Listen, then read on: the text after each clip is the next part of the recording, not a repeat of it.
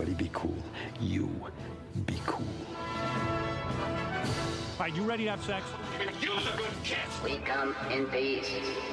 We come in peace. You are the motherfucking Antichrist! We're gonna let you go, okay? Ok. Film er best på radio. I'm gonna make him an offer he can't refuse. Nova Noir.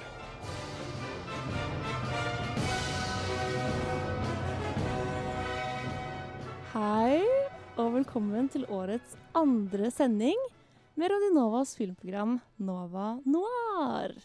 Veldig stas og veldig deilig å være tilbake. Eh, året begynte jo ikke helt sånn vi hadde håpa, med ny mutantvirus og lockdown og stengte lokaler. Men det stopper ikke oss. Vi har lagd vårt eget studio. Og jeg er jo ikke alene i dette hjemmelagde studio. Med meg har jeg Tage Rybas Tollefsen Hei, hei.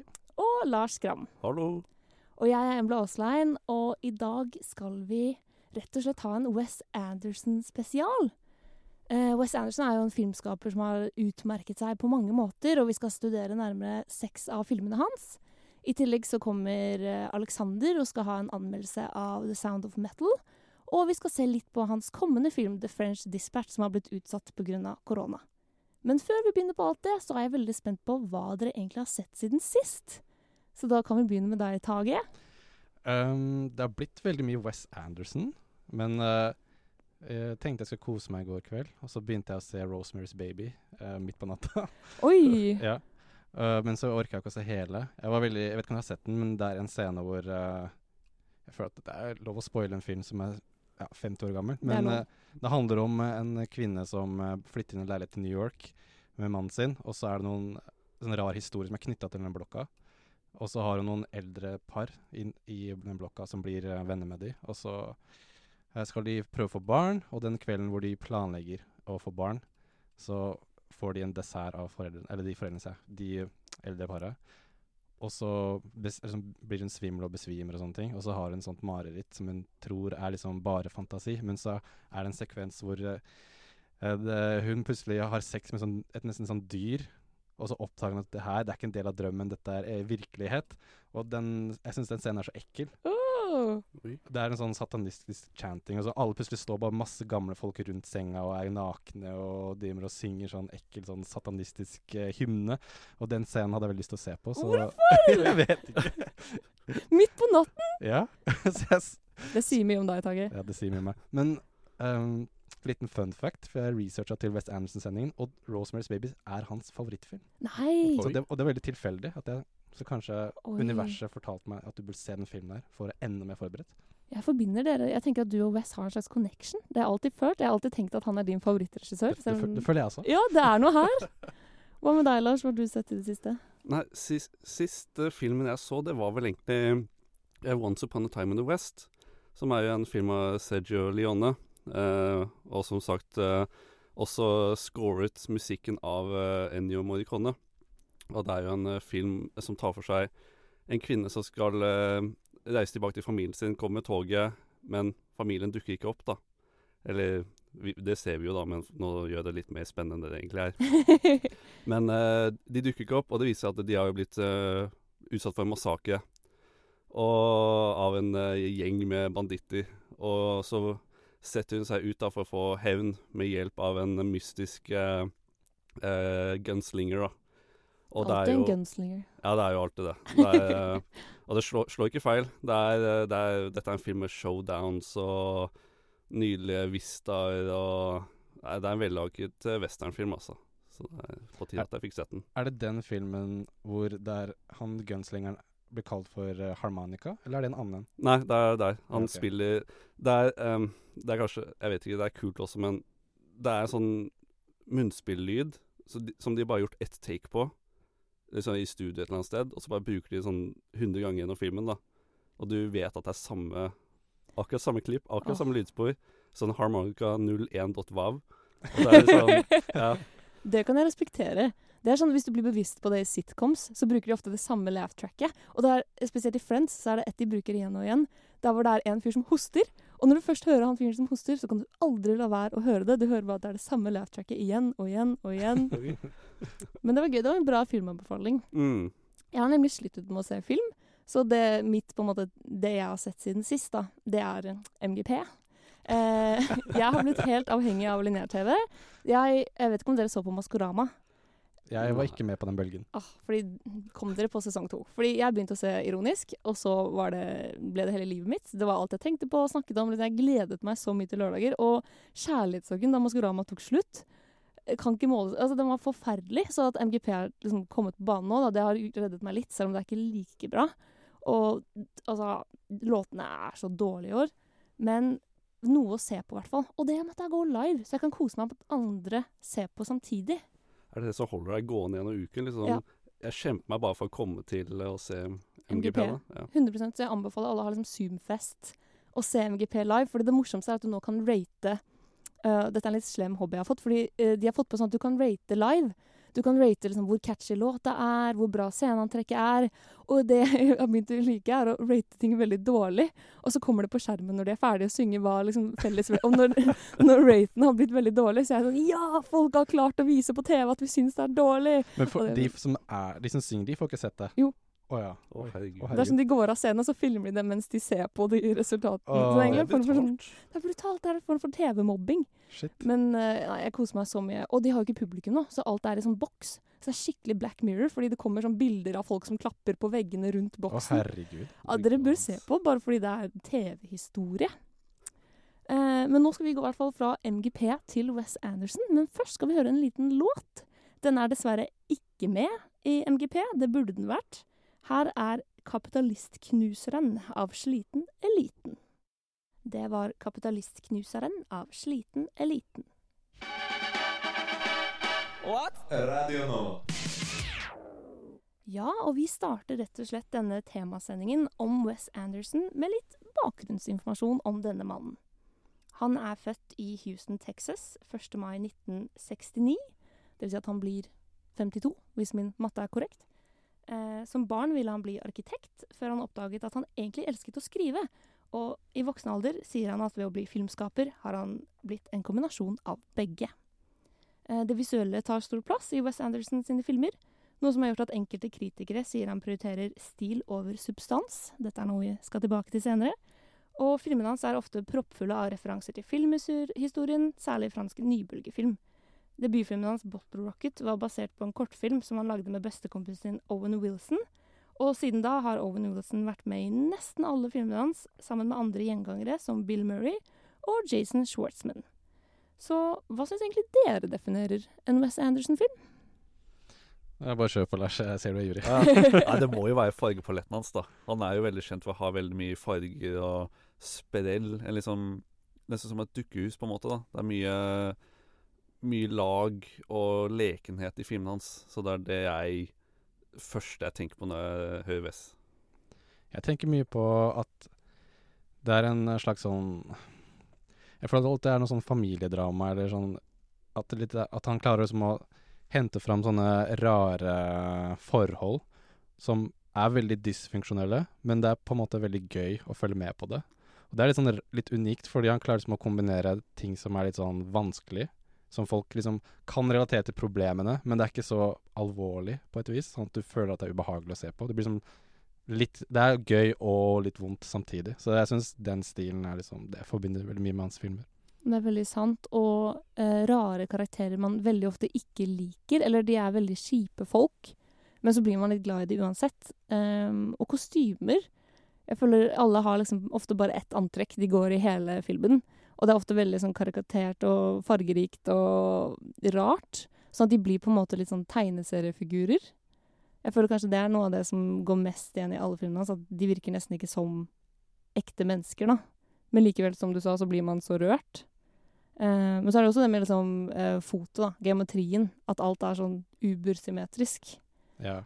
Og han er veldig sånn, eh, som de sier i, på filmspråk, sånn miss en scene. Eller jeg vet ikke hvordan man uttaler det. «Miss-en-scene». Miss on scene. At du, hvis du stopper eh, filmen hans og ser på ting som er i bakgrunnen, alt er sånn veldig nøye planlagt, og uh, ofte så er det ting som er som referanser til ting de snakker om seinere i filmen, eller ja. Eller jeg har lagt merke til det nå som jeg har sett alle filmene hans uh, på, sånn på rappen, at uh, for eksempel vi skal snakke om Grand Budapest Hotel seinere, Hvor det er et veldig snakk om et sånn maleri som er sånn hovedfokus i filmen. Og så i starten av den filmen så kan man se det maleriet i hvert fall to steder, uten at det blir påpekt i det hele tatt. Men det bare er i bakgrunnen. Så jeg syns det er veldig gøy at han tar seg et bryn til å liksom Alt er så utrolig gjennomtenkt. Alt er sånn veldig stilisert. Alle filmene hans har jo også en sånn scene hvor han går gjennom veldig sånn detaljer liksom, Hvor de er i Moonrise Kingdom, da, så går de gjennom hva hun jenta har pakket ned til eh, reisen sin. da. Og da er det sånn det, detaljer, veldig mange sånne småting som de bare legger frem og sier veldig sånn veldig kjapt. da. Og det er noe som jeg har sett gjennom alle filmene hans. Det er sånn, alltid en sånn oppsummering av rare gjenstander. Som er veldig artig. Det er sånn små sånne montasjer hvor man bare går nærmere på liksom uh, Ja, hva hun har i kofferten, eller i Isle of Dogs er det hvordan man lager sushi. Eller Mm. liksom sånne små stikk han tar seg tid til, da. Uh, og jeg føler at et ord som beskriver han veldig godt, og som jeg føler folk bare bruker igjen og igjen, er quirky. At filmen hans er quirky. Men det liker jo ikke han i det hele tatt. Han er, jeg leste at han hater når folk kaller filmen hans quirky, for det er bare sånn han er. ja, så jeg ser for meg at det kan være frustrerende. Mm. Men jeg er veldig enig i det du sa, Lars, med at, at han har en sånn slags sånn barnekvalitet over seg. Og han bruker ofte barnekarakter i filmene. Og jeg har sett litt sånn bakom-greier på YouTube uh, til en sending her, og må, liksom hele Wes Anderson har liksom, Jeg føler som han har klart å på en måte fortsatt være det barnet når han lager film. Som han, for jeg har lest litt at han pleide å lage sånn Super 8-film, 8 mm-film med brø- brødrene sine da han var kid. Og han føler at han liksom har klart å beholde den uh, den, den um, Barnligheten. Ja, den barnligheten til Mm. den, den på en måte tiltredningen til filmen. Eller filmene. En ting som også går gjennom filmen hans, da, som uh, spesielt i Moonrise Kingdom, er jo, som vi kommer til senere, det er jo at uh, ofte er det barn som oppfører seg voksne, og de voksne oppfører seg som barn. Mm. Og det er jo Ja, det er jo litt morsomt å se, da, at uh, han gjør det på en ganske naturlig måte i sin Wes Anderson quirky way. Um, men ja, jeg bare synes det, er- det, det er så mange sånne småting som bare går gjennom i filmene som er veldig interessante. Mm. Og jeg syns det er veldig gøy å tenke på at dette egentlig bare var en guttegjeng som bestemte seg for å lage en kortfilm. Owen Wilson og West som studerte filosofi sammen. Som bare er sånn Hei, la oss lage en film, og fikk penger av fedrene sine. Og så bare lagde de Bottle Rocket, eh, som først var en kortfilm. Og så klarte de bare å få den til riktige folk, som var sånn OK, vi kan gi dere penger til å lage en langfilm. Og den langfilmen bare startet denne helt sinnssyke karrieren, da, hvor du kan se fra film til film at de bare har fått mer og mer og mer penger. Eh, og vi skal se nærmere på hans første, eller andre film blir det vel, da, men hans gjennombruddfilm, 'Rushmore', som handler litt om high school-tiden til han selv og eh, Owen Wilson, og som de har skrevet sammen. Men først skal vi høre 'Katana' av Nick O. Det var 'Katana' av Nick O. What's the secret, Max? The secret? Yeah, well, you seem to have it pretty figured out. Secret? I don't know. Uh, I think you just gotta find something you love to do and then do it for the rest of your life. For me, it's going to Rushmore. Du hører på Nova Noir, og vi har Wes Anderson spesial. Og første film vi skal snakke om, er gjennombruddfilmen hans. Nemlig hans andre spillefilm, Rushmore, som kom ut i 1998. Og Tage, hva handler Rushmore om? Rushmore handler om uh, Max Fisher, som uh, er vår hovedkarakter, som går på denne skolen Rushmore. Uh, og han kan vi egentlig beskrive som en person som hans store kjærlighet i livet er å gå på skolen. Men han er utrolig dårlig akademisk, og det er mye pga. at han er med i kanskje alle mulige sånne klubber som det går an å være. Han er en veldig sånn eksentrisk fyr. skriver eh, jeg holdt på å si skuespill, men han skriver sånne teater, Teaterstykker. teaterstykker som ofte er basert på populærkultur. Og eh, han, opp, eller han eh, oppdager sånn tilfeldigvis eh, en bok som han leser, at noen har skrevet i boka, og da, dette syns han ikke noe om. Så går han eh, og finner ut hvem det egentlig er uh, som har skrevet denne boka, og så finner ut at det er en lærer som er, går på skolen. Og så får han en ting for henne, men samtidig så er det Bill Murray sin karakter, som er eh, Bloom, som er en fyr som har, gitt, har en sønne på skolen og har gitt mye penger til skolen osv. Som syns Max Fisher er en, en interessant fyr og liksom har lyst til å tilbringe tid med han. Og så blir det et slags sånn trekantdrama mellom disse tre karakterene. Fordi Max blir forelska i denne læreren, og det blir også Bill Murray. Så det er liksom, hoveddramatikken ligger her, da, men så er det også mye, mye annet som skjer. We're putting you on what we call sudden death academic probation. Could I see some documentation on that, please? Did you invite that kid to your party? Max Fisher. Come on, Dad. There's gonna be girls there. I'd rather die. Pull your head out of your. Maybe I'm spending too much of my time starting up clubs and putting on plays. It's time, homie. Kiss me, little one. I should probably be trying harder to score chicks. I like your hat. You're a teacher here, aren't you? Oh, I'm so glad you could come. I want you to meet a friend of mine, Peter Flynn, Max Fisher. Hi. Who's this guy? Um, ja, så dette er en slags coming of age-film på mange måter. Både for Wes Anderson som regissør, på et vis. Det er en slags selvbiografisk film, men også for hovedkarakteren Max. Og Tage, dette er kanskje din favoritt-Wes-film, eller? Altså, jeg, jeg sliter litt, for at jeg elsker denne filmen, og jeg er også utrolig glad i The Royal Tenenbaums og Moonrise Kingdom. Så jeg klarer liksom egentlig aldri å bestemme meg for hvilken av disse tre filmene jeg liker aller best. Men jeg har sagt til alle når de spør meg hvilken er din favorittfilm, så er det som siden sånn 2012, tror jeg, sagt det er Rushmore. Så jeg, jeg føler at den er liksom 0,1 poeng over de andre to, kanskje. Men den er for meg en sånn perfekt film i det at når du setter den på, så er det på en måte det bare, det bare flyter hele veien. Du har liksom aldri lyst til å stoppe et eller annet tidspunkt i filmen. Jeg føler at den bare flyter hele tiden, og bare er utrolig gøy. Det er en film det er veldig kanskje bra å starte sin Wes Anderson Eller sånn Hvis du først skal begynne å se hans filmer, så er det en fin film å starte i, fordi man kan se liksom Mange av hans kjennetegn begynner litt i den filmen, da. Um, og liksom Den er jo kanskje hans minst sånn stilistiske, jålete film, om man kan si det sånn. Hans mest nedpå-film. Det er jo Jeg, jeg, start, jeg tok kanskje den til sist, når jeg så gjennom West Anderson-filmene. Så jeg kommer med et blikk eh, fra det fargerike. Så jeg, jeg, vil jo si meg helt enig at det er viktig å starte der. På at hvis du kommer der med et synspunkt om den fargerike, den uh, Moonrise Kingdom, Grand Budapest, West Anderson, så er det for meg i hvert fall var det ikke det jeg fant. Jeg fant noe helt annet som også var veldig fint og spesielt, men det var ikke det jeg forventet av filmen. Så det å starte med Rushmore er, vil jeg sterkt anbefale, ja. For det er en mer realistisk West Anderson-film på en måte, men samtidig ikke. For det er vel en del trekk vi kan se som er veldig typisk han. Ja, det som er interessant med han som filmskaper, er at du, du kan allerede i Rushmore se uh, hans på en måte trekk, hva han har liksom lyst til sånn type sånn kameravinkler og kjøringer og alt mulig sånt som han liker å gjøre. Liksom dolly zooms og at måten at ting er symmetriske i frame osv. Så, videre, og så, videre. så du ser allerede i Rushmore måten han liker å på en måte skape bildene i filmen sin. Og så har han for hver film på en måte raffinert stilen sin mer og mer og mer, og også kanskje fått litt større og større budsjett til å liksom gjøre ting mer sånn som han har lyst til. Liksom, så det blir på en måte mer og mer Wes Anderson etter, som tiden går, da. Så liksom, jeg føler også at Rushmore er et veldig fint sted å starte.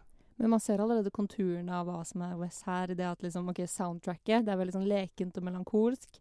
Eh, karakterene er stive og rare, og ikke så likeable. Og så er det jo også det med ting som ikke er helt realistiske, ting som er overdrevne, men som du på en måte bare kjøper i universet fordi alt er så rart. Eh, det er f.eks. noen scener som plutselig blir filmen ganske sånn drøy ved at uh, Max og han ene karakteren til Bill Murray, Her Herman, Herman, Herman Bloom, Bloom yeah. ja, de får en, plutselig blir rivaler. Og så begynner de å ha sånn hevntokk der de skal hevne seg på hverandre annenhver gang.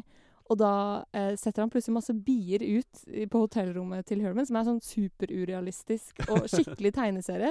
Men du bare kjøper det i det universet. Selv om det er en mer realistisk og grå Wes Anderson, så tenker du ikke sånn 'Å, det der var veldig rart', eller du, du bare viber med det. Eller at han skal bygge et kjempeakvarium. Ja, men jeg føler at alt er på en måte litt sånn rettferdiggjort i filmen. For at allerede i startmontasjen i filmen så ser du at han er liksom presidenten av sånn Beekeeper Society of Rushmore. Og det, du ser at når han etter han har putta masse bier i hotellrommet til uh, Bill Murray sin karakter, så har han en sånn, der, sånn biekasse med seg fra skolen. Så de har liksom klart å etablere at han har liksom tilgang til bier da, hvis han har lyst. Ja. Det bare er en helt sånn sinnssyk twist i i det universet som man 100 kjøper. Mm. Um, og så er det også dette med uh, alle montasjene. Filmen begynner jo også med at man ser alle klubbene han er med i. Som er min jeg tror kanskje favorittdel av filmen. For man ser at han er så engasjert. Han er president eller medlem i absolutt alle skolens klubber. Og her begynner man, West Anderson også veldig med den derre stilen hvor han setter en karakter med et stillestående kamera for en karakter. Det er nesten som han tar et portrettbilde, bare et bilde er levende. Og så er det liksom en voiceover eller musikk. Og dette går igjen i nesten alle filmene hans også. Som er et veldig sånn effektivt virkemiddel. Mm. Jeg syns ofte at uh, montasjene spesielt er på en måte sånne levende sånne postkort, på et vis. At ting er liksom De er plassert veldig sånn mot kamera, så de vender mot kamera. Og så er det ofte sånn sånn her, Å, de er debate club. Og så er det sånn veldig sånn Du kunne på en måte bare freeza framen, og så liksom bare ser du to stykker som er på hver sånn podium og bare diskuterer mot hverandre. Men han liksom gjør det som levende, og det er veldig sånn karikert. Og det syns jeg er veldig gøy. At han uh, At han bruker liksom veldig mye tid på sånne På en måte unødvendige detaljer, men han liksom gir deg sånn det som han kaller exposition, på en veldig sånn morsom måte, som gjør at uh, du, får, du, lærer no, du, lærer å kjenne noe om karakteren eller verden uten at det trenger å bli kjedelig. Han bare gjør det på sånn morsom, artig måte. Det er jo som sagt det med sånne detaljer, da. At han, han bare oversvømmer deg da med masse detaljer om sånne Høres ut som irrelevante ting, da. Som er sånn masse småting, men det er liksom akkurat nok, og det forklarer liksom Det har jo alltid en mening, da.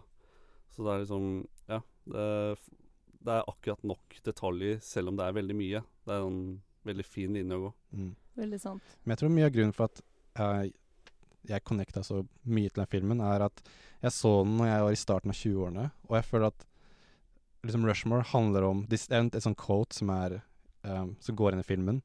At uh, når Bill Murray prøver å forklare til Max hvorfor den læreren har liksom blitt så viktig for han, for han blir forelska i henne, så sier han at 'she's my Rushmore', for at Max har tidligere, tidligere film sagt at liksom Uh, hemmeligheten i livet er bare å finne en ting du elsker, og bare gjøre det for resten av livet ditt. Og så for ham er det å bare gå på Rushmore. Så She's My Rushmore. Og som jeg føler som at det å finne sin Rushmore uh, er liksom en ting som alle kan på en måte relatere til. Og så Jeg tror kanskje det konseptet som jeg bare kobla så sykt på når jeg så den første gang, sånn cirka starten av 20-årene et eller annet sted. Så jeg bare Det bare er en sånn følelse den filmen gir meg, som jeg alltid har liksom gått, lyst til å gå tilbake til. Så den er veldig spesiell for meg. Ja, den er veldig fin. Og det er også ekstra gøy å tenke at den er så selvbiografisk for West Anderson. Fordi jeg ser for meg at West Anderson var akkurat sånn som Max, hovedkarakteren, er i den filmen. Sånn litt sånn overengasjert i alt, med i alt. Alle syns han er litt irriterende. Han har ikke særlig mange venner, men han er superengasjert i det han gjør. Og det er spesielt én scene fordi han driver og regisserer de teaterstykkene. Uh, og det er sånn en karakter som sier en replikk, og så går av scenen, og så kommer Max løpende og bare sånn 'Du sa den replikken feil!' Og han skuespilleren ja, men meningen var jo det samme, det er jo ikke så farlig. Han bare sånn 'OK, la gå for denne gangen, men aldri si at teater ikke er farlig!' Og det er akkurat sånn jeg ser for meg at Wes er. liksom sånn 'Nei, nei, du skal ikke stå en halv centimeter for langt til høyre. Dette er kunst'. Ja. Men det er jo, apropos det med at det er veldig sånn nært uh, West, da, så mener jeg at jeg leste i et intervju at, uh, de filmet, at de filmet på skolen hans. At, uh, ja. det, at det klasserommet de filmer, er hans klasserom når han, han gikk på skole der. Ja, for han gikk på St. Johns, tror jeg, den sånn uh, vet ikke, prep-skole, eller hva de kaller det for noe. Og så som du sier, de filmet faktisk på den skolen han gikk på. Så han liksom virker som han på en måte Det er litt sånn selvbiografisk film, sånn som du sier. At ja. han liksom putter ting som han har opplevd i sånn Han på en måte får det med på, film, på filmlerretet, da. Mm, og jeg føler at man allerede i den filmen her kan se på en måte tematikken som skulle definere han. For jeg føler, eh, Selv om alle filmene hans tar sted i helt sånn absurde og forskjellige universer, så er det alltid liksom noen gjennomgående tematikker som man kan se igjen og igjen. Og du sa til meg, i dag at en du ser i alle filmene hans, er død. Ja. Eh, nå har jeg vært veldig bevisst på det når vi har sett det her til sendingen her. Og det er en sentral karakter i alle filmene som har mistet en eller annen. Eksempel i Rushmore så er Max Fisher, moren hans er død. Og så eh, den læreren som han blir forelska i, Miss Cross, uh, mannen hennes uh, har også dødd for et år siden. Så de bonder veldig fort med at de begge har noen som er døde i familien sin. Det er sant. Og de to andre temaene jeg også ser For det er kanskje tre temaer. Det er liksom død. Og så to andre temaer som går igjen veldig ofte, er isolasjon. Så mennesker som er isolerte, og som på en måte kolliderer i hverandre i litt sånn rare sammensetninger fordi de søker etter noe. Litt sånn som det utrolig absurde trekantdramaet. Du hadde ikke trodd at de tre menneskene skulle bety så mye for hverandre. Uh, og det føler jeg også går gjennom alle filmene. Altså rare mennesker som er satt sammen i rare konstellasjoner. Mm. Uh, og i tillegg til foreldrefigurer, som jeg også føler liksom går igjen. Sånn Max har mistet moren sin, Bill Murray blir en slags farsfigur. Og hvis du først ser liksom disse tematikkene i Rush Du kan se de allerede i Rushmore, og du kommer aldri til å slutte å se de, da. Ja. Er for at uh, hvis du leser om West Anderson, så er det ganske vanskelig å finne noe om privatlivet hans. For han er litt sånn Kanskje ikke sånn hemmelighetsfull, men han, Det er ikke liksom det han har lyst til å prate om, tror jeg, i intervjuer. Men uh, um, hvis man leser litt på Wikipedia, f.eks., så står det at han uh, når han var åtte år gammel, så skiltes foreldrene. At det var veldig sånn definerende øyeblikk i livet hans. Så jeg føler liksom at uh, det er noe Altså kanskje mye av de følelsene han hadde da han var barn, putter han i alle filmene sine. Og det blir jo litt sånn også i Rushmore at Bill Murray blir en slags farsfigur, for at hans uh, biologiske far ikke, De har ikke sånn dårlig forhold, men de har ikke sånn nært forhold heller, virker det som. Så når Bill Murray sin karakter eh, blir sammen den dama han forelska i, selv om han er altfor ung for henne, så blir det et slags sånn der eh, svik, da. Og det er kanskje litt eh, sviket han kanskje følte når eh, foreldrene skilte seg også. Mm. Vi skal se videre på hvordan Wes utviklet regissørkarrieren sin med hans andre spillefilm. Nei, tredje spillefilm, The Royal Tenenbaums. Men først skal vi høre Sky av Slacker 2. Det var Sky av Slacker 2. I've been instructed to refuse any further charges on your room account and to direct you in writing to please vacate the premises by the end of the month. What about Sing Sang? I owe her a hundred. Royal had lived in the Lindbergh Palace Hotel for 22 years. Can you pay her in cash? He was a prominent litigator until the mid 80s when he was disbarred and briefly imprisoned. No one in his family had spoken to him in three years. Da har vi kommet til den andre filmen vi skal snakke om i dag, nemlig Wes Anderson sin tredje spillefilm, The Royal Tenenbaums. Den er fra 2001 og er skrevet av Wes og Owen Wilson.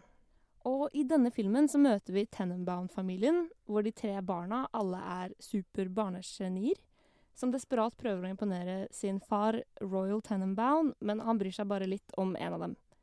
Eh, 22, 22 år etterpå, etter han skilles fra moren deres, da, så bestemmer han seg for at han har lyst til å komme tilbake til familien, og lyver om at han har kreft, sånn at han kan få lov til å liksom bli tatt inn i varmen til Tenenbaumsene en gang til.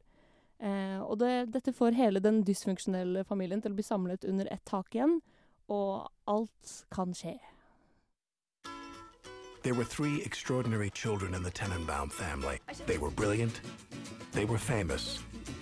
They were unlucky enough to be the children of a man named Royal Tenenbaum. Are you getting divorced? It doesn't look good. Thank you, Pagoda. Well, I'm on my way. Now, for the first time in 22 years, I hear you're dying. Oh, how long are you gonna last? A month, a year? I've got six weeks to set things right. they're all living together under the same roof, in harmony. I love you more than anything. uh, ja, så dette er min favoritt-Wes Anderson-film. Uh, jeg syns den uh, Den vinner på alle mulige måter, så jeg merker at jeg kommer til å være litt biased i denne samtalen. Men hva er deres inntrykk av The Royal Tenenbaums? Jeg har et sånn lite rart minne med den, for jeg husker at når jeg var sånn rundt 11 eller noe sånt, så skulle vi leie en film på Når det fantes, leie filmer. så var det sånn her, ja, vi skal leie en komedie, så, så var det sånn, ah, jeg og to venner, og så, ja, vi tar den her da, for den så liksom morsom ut. Men vi visste egentlig ikke hva vi gikk til. Og jeg husker jeg kjente igjen Ben Stiller. Og han sa 'Å, Ben Stiller han er morsom, så vi tar den her'. Og så var det liksom Når du er 11-10 år gammel, så er det liksom ikke West Anderson-humor. Det er liksom Du har ikke vokst opp til liksom Setter pris på det nå, føler jeg, da. Så vi var veldig skuffa. Men jeg husker at jeg har liksom det minnet av at jeg så den filmen og egentlig ikke skjønte noen ting. Mm. Og det skjønner jeg som barn, at man liksom ikke helt forstår den.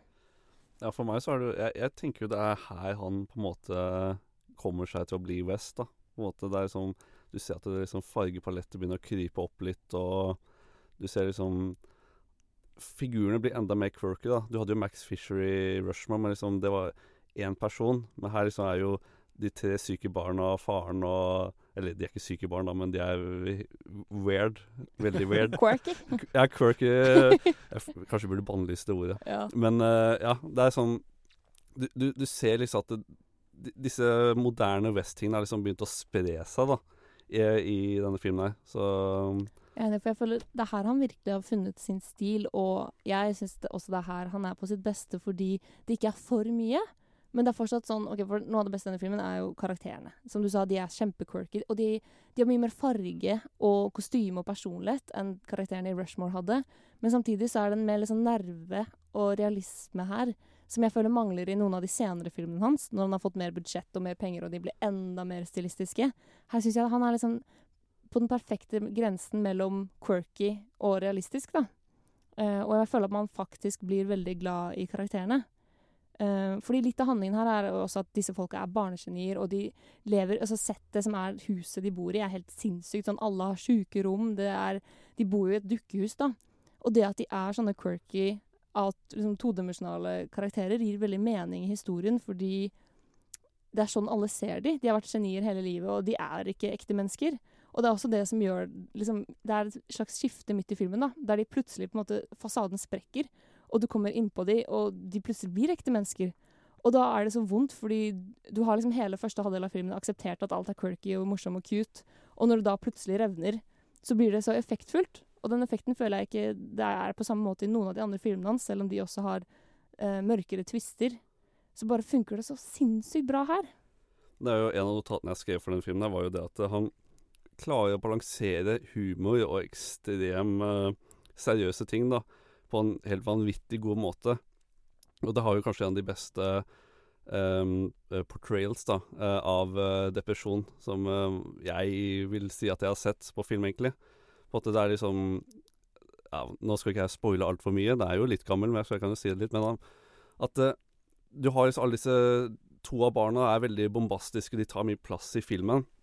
Men så er det tredjemann som er han, han er stille, han er rolig. Han får mye plass i filmen, men han henger liksom baki deg i sin attitude og hvordan han er. da, Så plutselig, ja, i det halvveispunktet i filmen, da, så sprekker det litt for han, da.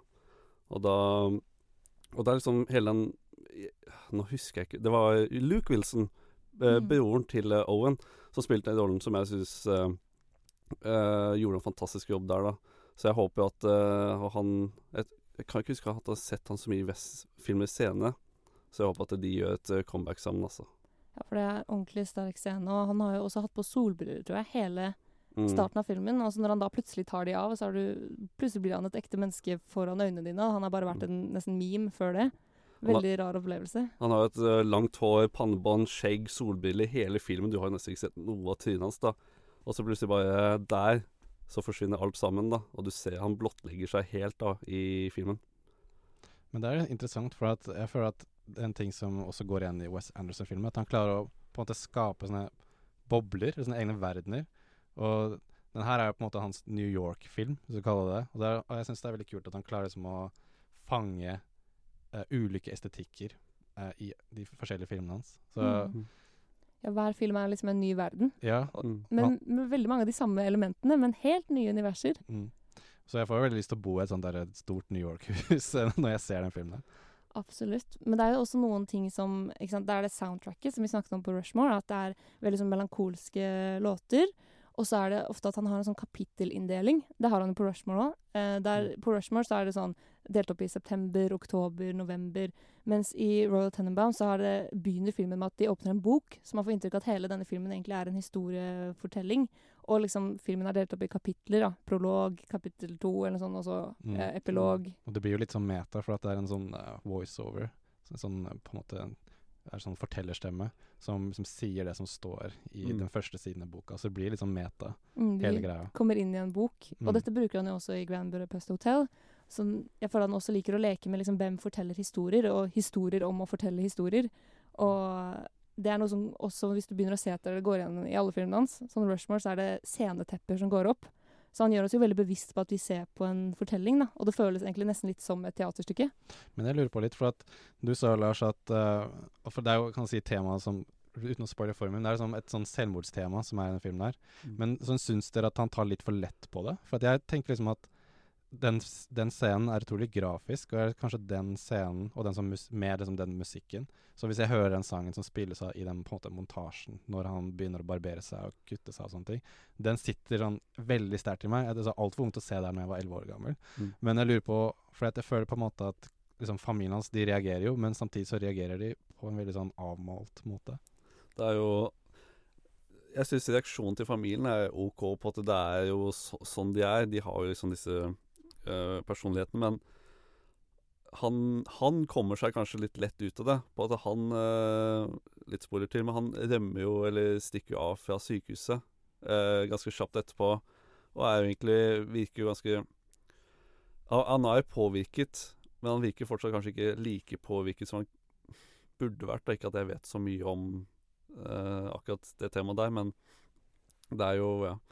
Det er en litt sånn fin linje å balansere på der, om han tar det for lett På at du kan ikke ta det for hardt heller, på en måte. Det, Det bryter litt med Ja. stilen hans også, hvis den skulle blitt veldig alvorlig plutselig. Mm. Ja, for jeg aksepterer det i Wes Anderson sitt univers.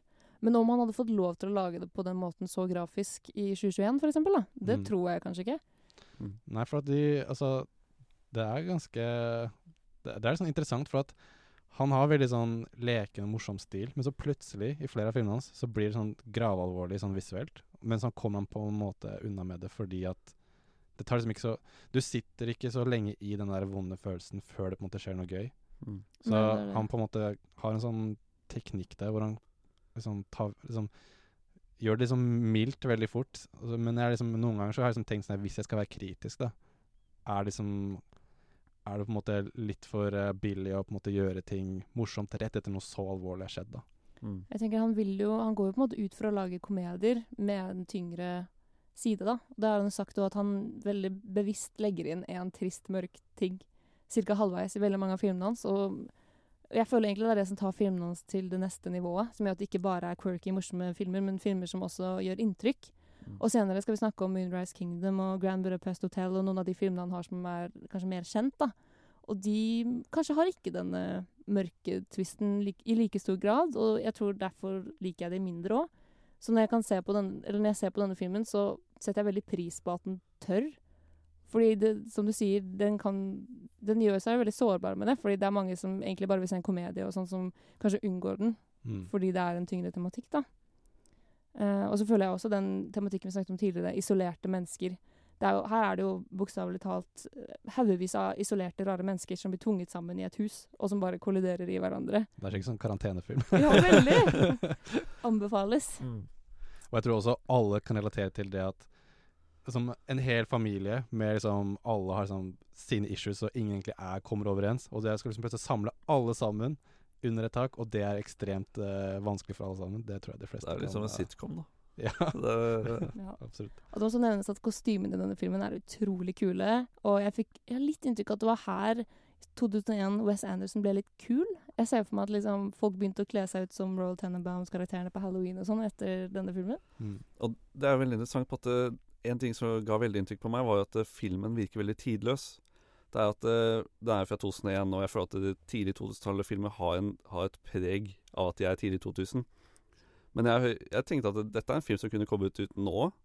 I, i stilen. Den kunne kommet ut liksom før 2000. Den var, det, det er en film som ikke er påvirket av sin tid, da. Mm, Og, og det syns jeg er egentlig utrolig imponerende at han klarte, med tanke på at det er bare hans tredje film, egentlig, og så har han klart å lage en sånn gjennomført film. da. det er veldig sant. Og jeg leste at han mange, altså alle karakterene som går i 70-tallsklær. Og det er fordi han ville at de skulle sitte fast i fortiden. Fordi det var på 70-tallet foreldrene deres sa de skulle bli skilt. Og eh, de kom seg aldri videre i livet etter det, da. Etter de var barnegenier. Og alt er veldig gjennomtenkt. Eh, men vi skal gå litt videre. Men før det skal vi høre en sang som er fra denne filmen, i dette soundtracket, og som er en helt fantastisk låt. Og jeg vil si bare kjapt at eh, det øyeblikket hvor den spill, eh, låta her spilles av i filmen, er liksom mitt favorittøyeblikk i filmen. Og det er egentlig bare en person som går i slow motion ut av en buss, men det bare er et eller annet supermagisk med det øyeblikket. Det gjøres veldig magisk. Så nå kan vi tenke på den scenen mens vi hører på denne låta. Her er These Days av Nico. Det var These Days av Nico. But where are they? Unknown. Split into two groups. I'll take Ned, Ogata, and Wolodarski. Thanks. Thanks a lot for not picking me. What? We're smack in the middle of a lightning strike rescue op, Klaus. What's the deal? I'm sick of being on B Squad. Listen, you may be on B Squad, but you're the B Squad leader. Don't you know me and Esteban always thought of you as our baby brother? I've always thought of you two as my dads. Please don't let anyone make fun of me for saying so. I can't guarantee that, Klausy, but I'll try. Du hører på Nova Noir, og vi er snart halvveis i vår Wes Anderson-spesial. Nå har vi kommet til film nummer fire, nemlig Life Aquatic with Steve Zissou fra 2004.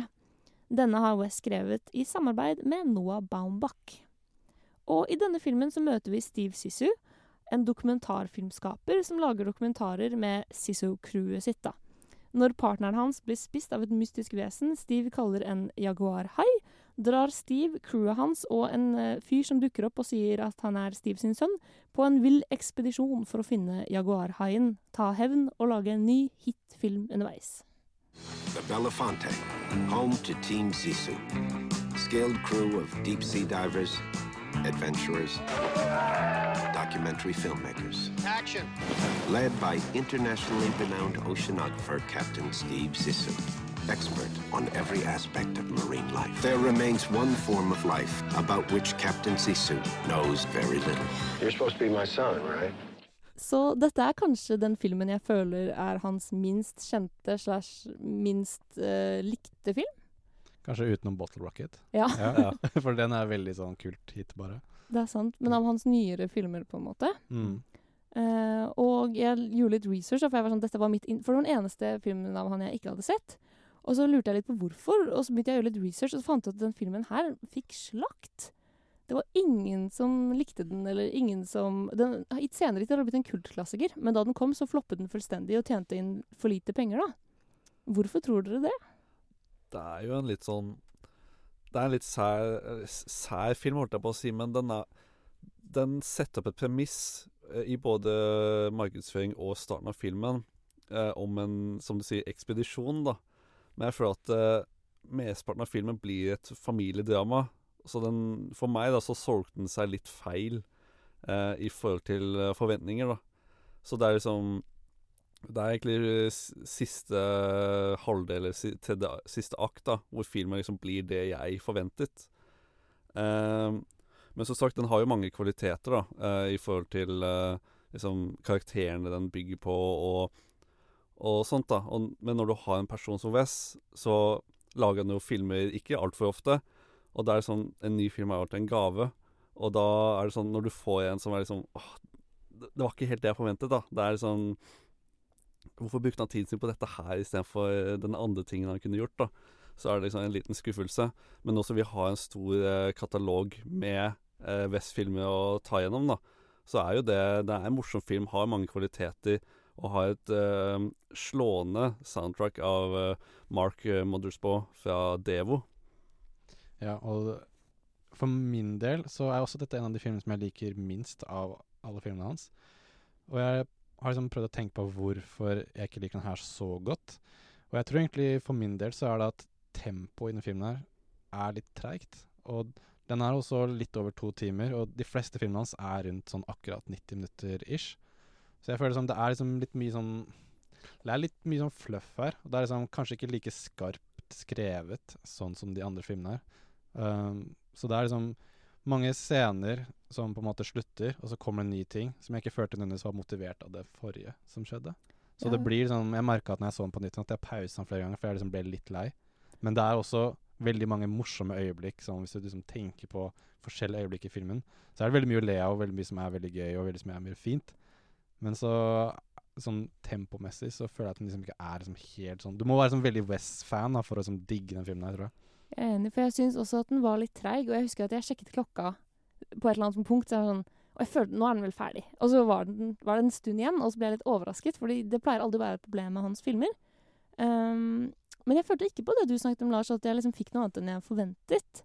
Mm. Fordi jeg ville si at han solgte inn dette som en eventyrfilm. Og det er det. Jeg tror kanskje, Du sa jo i stad at han bygger nye universer og nye verdener for hver film. Og her bygger han jo dette sånn ekspedisjon, livet på en båt, eh, filmuniverset. Og det er jo det filmen er. Det kommer jo pirater. Det er hvordan de har bygget hele denne båten. Det er jo Jo, men piratene kommer liksom ganske sent i filmen, da. Og det er jo faktisk akkurat det med å bygge univers. Det er jo Han har laget et univers som vi Jeg føler ikke vi fikk sett nok av, da. Som jeg hadde lyst til å utforske mer. Men eh, helt klart, det er jo mye, mye godt her. Altså, jeg tror, det kan hende jeg undersolgte den litt. Men eh, med tanke på at den er jo to timer lang, eh, så føler jeg at det er en del bikarakterer her som allikevel ikke får nok, eh, nok screentime her. Da, nok Som bare blir kastet bort. Og er, de er bare statister, på en måte. da på at det er jo egentlig Filmen er jo et dokumentarcrew som filmer hele hendelsen. Og så De blir jo bare statister som lø- løper rundt med kamera og bom. Det er jeg så uenig i. Nå merker jeg at jeg plutselig ble litt sånn Life Aquatic-fan her. Fordi det jeg liker også veldig godt med denne filmen, er at alle karakterene er så snåle og rare, og du blir så kjent med alle sammen. Og her har han også sånn montasje der han begynner med litt sånn postkortaktig, der han introduserer crewet sitt. Og det er så snåle karakterer, og man husker hver og en av de, og de har masse personlighet. Og han har til og med syv interns, som bare Og dette er mine syv praktikanter. Og man blir til og med glad i de. Sånn en av de blir skutt av en burat, da var jeg på ekte lei meg. Sånn, selv om han ikke har hatt en replikk i filmen. Eh, så karaktergalleriet føler jeg at han virkelig får til her. Mm. Men sånn eh, rent tematisk, da, de henger, hvordan de henger sammen med, kanskje sånn tematisk med de andre filmene, så er det det her med sånn far-sønn-relasjonen. For det er jo Owen Wilson sin karakter som heter Ned, uh, som er en Han har sånn der, sånn, sånn fancy sørstatsdialekt som jeg syns er veldig gøy uh, i filmer. Som på en måte dukker opp og konfronterer ham at han tror kanskje at han er, eh, at han er sønnen. Men så viser det seg at han har egentlig Altså jo lenger filmen går, jo mer og mer konfronterer han med sånn Egentlig, hvor lenge har du visst om meg? Eller sånn, har du visst om meg i det hele tatt? Og så videre, så videre. Uh, så det viser seg at han har uh, faktisk visst om han helt siden han var født, men han har bare ignorert han. Så det liksom, jeg føler at filmen er veldig sånn basert på at Bill Murray eller Steve Zissou skal faktisk uh, erkjenne da, at han er en far. Men han Mm. sier jo i filmen at han har aldri lyst til å være en Han liker ikke fedre, han har aldri lyst til å være en. Så er det Ja. et eller annet han på en måte hele tiden rømmer vekk fra. Ja, han er jo et barn i en gammel manns kropp. Eh, og han minner kanskje litt fordi en ting som jeg Jeg tror kanskje denne filmen har floppet også litt fordi han bruker veldig mange av de samme tingene han har gjort i tidligere filmer, men bare på en litt dårligere måte. Og jeg føler Bill Murray sin karakter her er ekstremt lik eh, farskarakteren i The Royal Tenenbaums. Mm. Det blir på en måte to filmer på rad som handler om en gæren, selvopptatt, narsissistisk far. Eh, at han kanskje har begynt å gå litt i de samme mønstrene, da. Mm. Um, ja. Men en ting jeg liker veldig godt med filmen her, er eh, at han har introdusert noen eh, nye skuespillere i hva skal jeg si, crewet sitt, som har blitt sånne gjengangere. Eh, Blant annet uh, William Dafoe, som spiller en sånn der uh, sidekick som heter Klaus. Som er veldig sånn der glad i Steve Sisu, som er veldig sånn opptatt av uh, Ser liksom veldig opp til ham, selv om han er kanskje like gammel eller eldre, jeg vet ikke. Og så er det også uh, Jeff Goldblum. Um, er ikke det den heter? Jo. jo. Ja, det er det første, ja. Som er på en måte rivalen hans. Så jeg tror det er første filmen han er med i. Så, og jeg liksom elsker Jeff Goldblum. Og han passer så godt inn i universet. Så jeg føler at han har expanda sin uh, ens ensemble, da. Ja. Og de gjør bare magiske roller, syns jeg. Det er kjempegøy, og det er så gøy at han rivalen har en liksom bare litt finere båt som han lager sine dokumentarer på. Mm. Liksom bare, og de har sånn dokumentarkonkurranse mens de jakter på denne jaguarhaien. Mm. Og man bare blir så investert og kjøper det. Og så også at filmen på et punkt bare plutselig blir sånn actionfilm. Og du skal gjøre sånn heist. ja. Redde en person som har blitt kidnappa osv. Så, videre, så, så plutselig er det sånn der eh, La oss, jeg skal bruke det her siste gang. Quirky action. det er veldig sant. Ja. Og så får man også den twisten der det plutselig blir litt mørkt og litt trist. Og Mm. det handler plutselig litt som de tidligere filmene hans om å håndtere sorg, da. Ja. Og være i en sorgprosess. Men jeg vil, si, jeg vil gi en sånn veldig stor cred til den filmen her, for jeg føler at uh, uh, det er liksom Måten den slutter på, er kanskje den mest sånn emosjonelle slutten for min del, i alle filmene hans, egentlig. Fordi det er liksom den jakter på denne haien i hele filmen, og så blir det nesten sånn her baktanke å faktisk finne den. Mm. Men så når de plutselig sånn Å, den er rett borti her. La oss bare Skal vi bare take a ride for å se på den? Og så er det sånn Sigurd Ros-låt, sånn Stalafur, tror jeg den Mm. heter, som er utrolig fin, med sånn strykere og piano. Og så er det sånn bare det øyeblikket hvor alle liksom skjønner at dette er sånn veldig emosjonelt for Steve Sisu. Alle bare tar hånda si på skulderen hans, så bare sånn Do you think he remembers me? For han har liksom drept bestevennen hans. Og så er det bare Det er bare et eller annet med det øyeblikket som bare Mm. er sånn veldig emosjonelt, da. Som jeg Jeg føler ikke at man får den der kartarsisen i noen andre filmene hans. Mm. Overraskende rørende. Mm, Selv til tross for veldig dårlig CGI. ja, men jeg, en ting som jeg liker egentlig ganske godt, er at du ser her fra hans neste Eller senere så lager han stop motion animation, og du ser her at han på en måte har klart å gjøre litt sånn stop motion animation med sånne, de der dyrene som er i havet. Og jeg liker veldig godt måten han har gjort det på. Men jeg føler at vi, vi kan ikke prate om eh, Life Aquatic uten å nevne outfitsene de har på seg. Eller liksom selve kostymene og liksom bare set-design. da, På at eh, de går jo disse ikoniske blå draktene og den eh, røde eh, luen, da, som eh, stikker opp og bare er liksom Det viser jo at eh, Wes er et eh, Har god smak da i klær, sier jeg. Mm. Og det er jo inspirert av en eh, fransk eh, sjømann, eh, Jack Cousteau. Eh, som uh, ja, får en interessant hyllest da i eh, creditsene til filmen. Med tanke på at de fant ut uh, i Eller studio fant ut i postproduksjonen da at eh, ja, det var noen likheter her, da. Og de ville jo kanskje ikke risikere å bli saksøkt. Mm. Så det endte jo med at de bare samla 200 000 dollar, som de basically sa til den familien til Jack Cousteau sånn herre «Eh, Her har vi 200 000 dollar, kan dere ta imot dette her, bare for å ikke saksøke oss, basically. Og så sa de sånn Ja, det kan vi gjøre, men så ville de ha en sånn derre en sånn statement som er helt på slutten av creditsen, og da er det sånn noe à la sånn derre Vi anerkjenner at dette er, er lagd Eller sånn Vår, vår familie eh, er ikke En del en del av denne produksjonen i det hele Ja. tatt. Vi ville bare ikke bli- ja, ha noe sånn, med den å gjøre. Stor takk til denne familien som ikke har noen ting med å lage den filmen å gjøre. Det er veldig morsomt. Men ja, generelt en film som kanskje ikke er så høyt verdsatt før i senere tid, og som fikk slakt, men som har fått en stor following i senere tid. Eh, og vi skal snart gå litt videre, men en siste ting med denne filmen som er legendarisk, er den ene låta de spiller når de dykker. Vi skal høre på Ping Island slash Lightning Strike Rescue Up av Mark Mothersbaugh. Nå skal vi ha en liten pause fra Wes Anderson og høre Alexander sin anmeldelse av Sound of Metal. You sounded great. Yeah, right. What? You telling me you weren't feeling it? You were in it. We don't need to, we don't need to put them all out. I know, but we just need to film Lyd er for de aller fleste en essensiell del av hverdagen.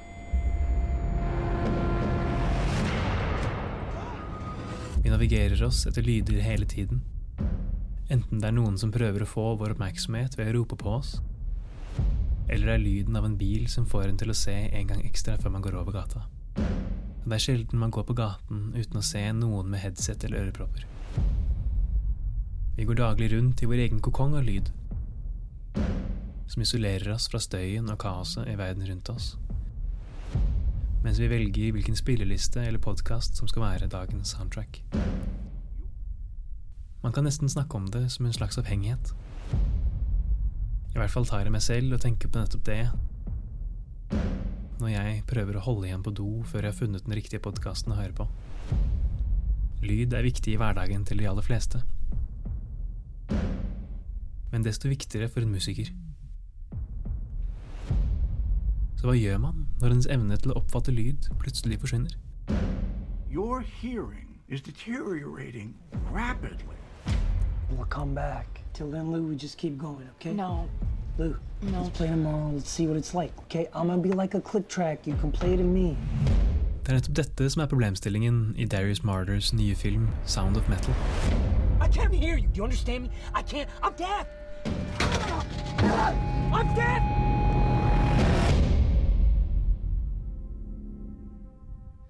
Riz Ahmed spiller trommisen Ruben i heavy metal-bandet Black Ammon, som i forberedelsene til en konsert opplever å plutselig miste nesten all hørsel.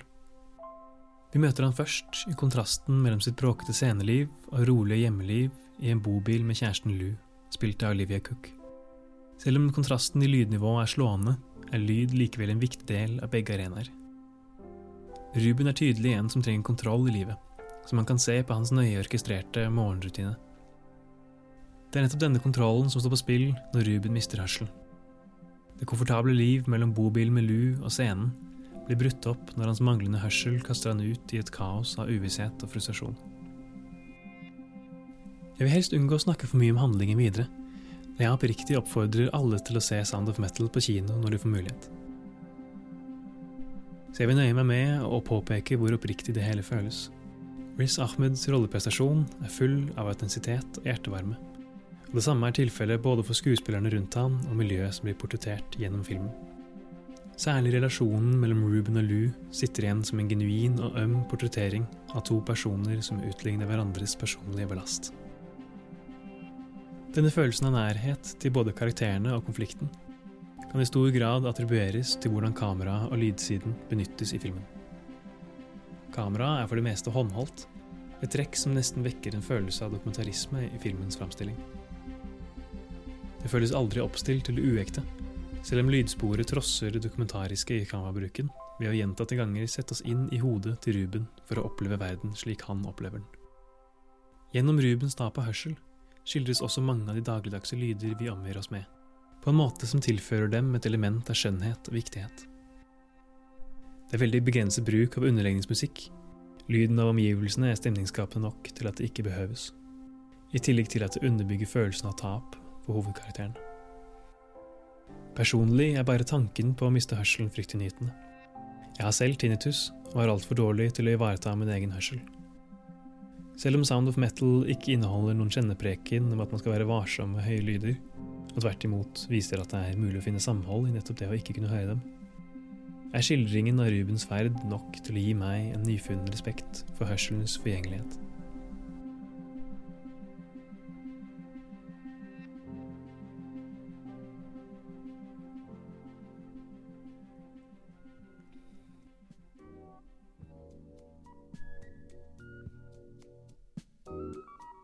Jeg har vært Alexander Helstenius. Og selv om det er viktig å passe på sin egen hørsel, så er det ingen grunn til å slutte å ha Radio Nova på dine ører. Så i en tid hvor man ikke fritt kan gi klemmer, håper jeg du vil ta imot denne soniske klemmen fra meg. Som en takk for at du lytter, og for å forhåpentligvis gi en liten positiv boost i en ellers kjedelig hverdag. Jeg vil i tillegg avslutte med en annen liten gave til deg, kjære lytter. Og det er min favorittlyd i hele verden. Nemlig lyden av en kald Ringnes som åpnes.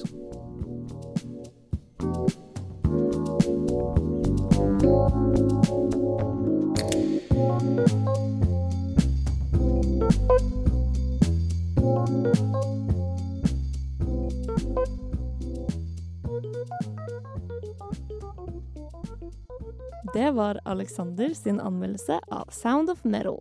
Og før vi fortsetter med vår Wes Anderson spesial, skal vi høre Ikke alene av Evigheten.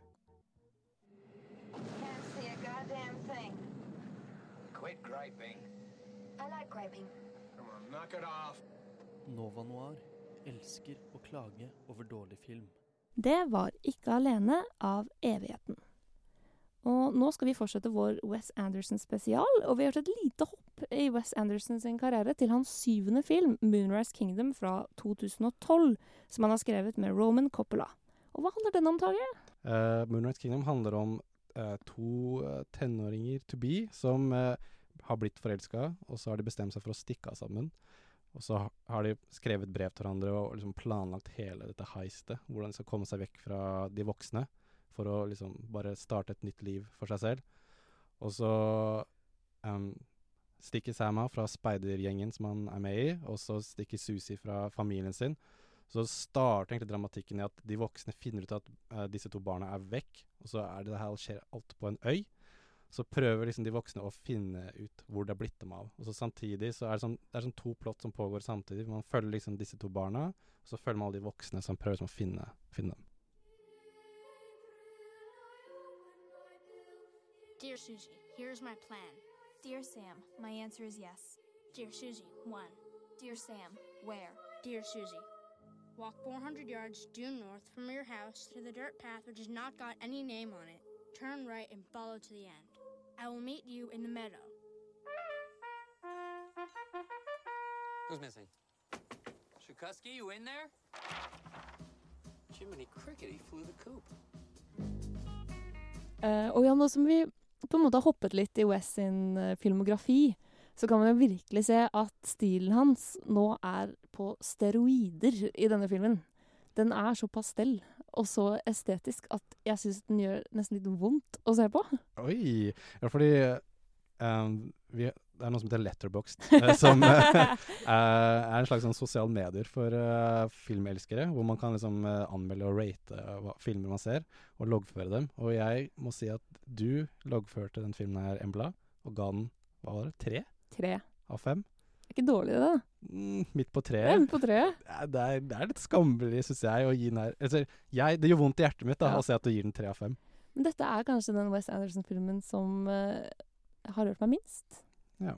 Um, og det er rett og slett fordi den mangler litt den der emosjonelle tilknytningen til karakterene, og fordi Jeg vet du, det er liksom ikke en sånn mørk tyngde her. Jeg føler at alt bare er Hele denne filmen er en sånn Tumblr-drøm. Det alt bare er superestetisk og vakkert og morsomt og quirky, men aldri noe liksom tyngre, da. Det er jo kanskje den Jeg vil jo kanskje si at det er den mest pretensiøse av filmene hans. Oi, oi, oi. Det- Angrep fra to kanter her. Ja, ja, nei, nei, men eh, det er det verste jeg har å si om filmen. Men uh, dette har jeg ikke noe på skuespillerne, men han har skrevet de to hovedkarakterene Sam og Susie uh, veldig stive i tradisjonell West-stil, da. Men om det er bare om han gikk for hardt inn, eller om det er uh, at de er barneskuespillere, så ble det liksom Det ble litt for stivt. At eh, jeg klarte aldri å knytte meg til eh, de jeg, jeg, var en, jeg var bare en utenomperson da, i denne filmen og så på de, i stedet for å kunne le meg inn i de.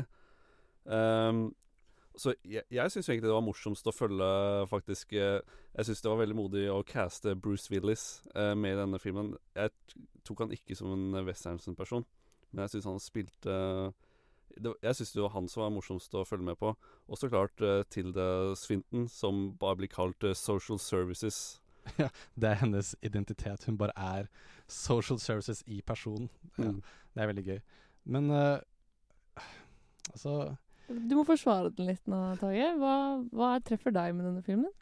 Um, jeg tror det er den derre Bare det å prøve på en måte bare å For det, jeg føler den her handler mye om tilhørighet. Fordi Susie føler ikke at hun hører til i verden, og hun er veldig sånn misforstått. Og mye av greia med Susie sin karakter er at um, hun utagerer, og det kommer jo litt av at foreldrene hennes ikke sitt, sitt ekteskap ikke fungerer i det hele tatt.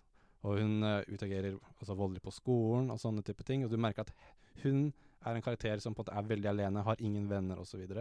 Og så er det en sånn flashback hvor man ser på det sånt der, et sånt barneskuespill hvor Sam uh, er tilskuer, og så stikker han av og liksom bare går rundt, for han syns det er kjedelig. Og så oppdager han liksom litt tilfeldig Han kommer inn i garderoben, så liksom møter han Susie når som kledd ut som en fugl.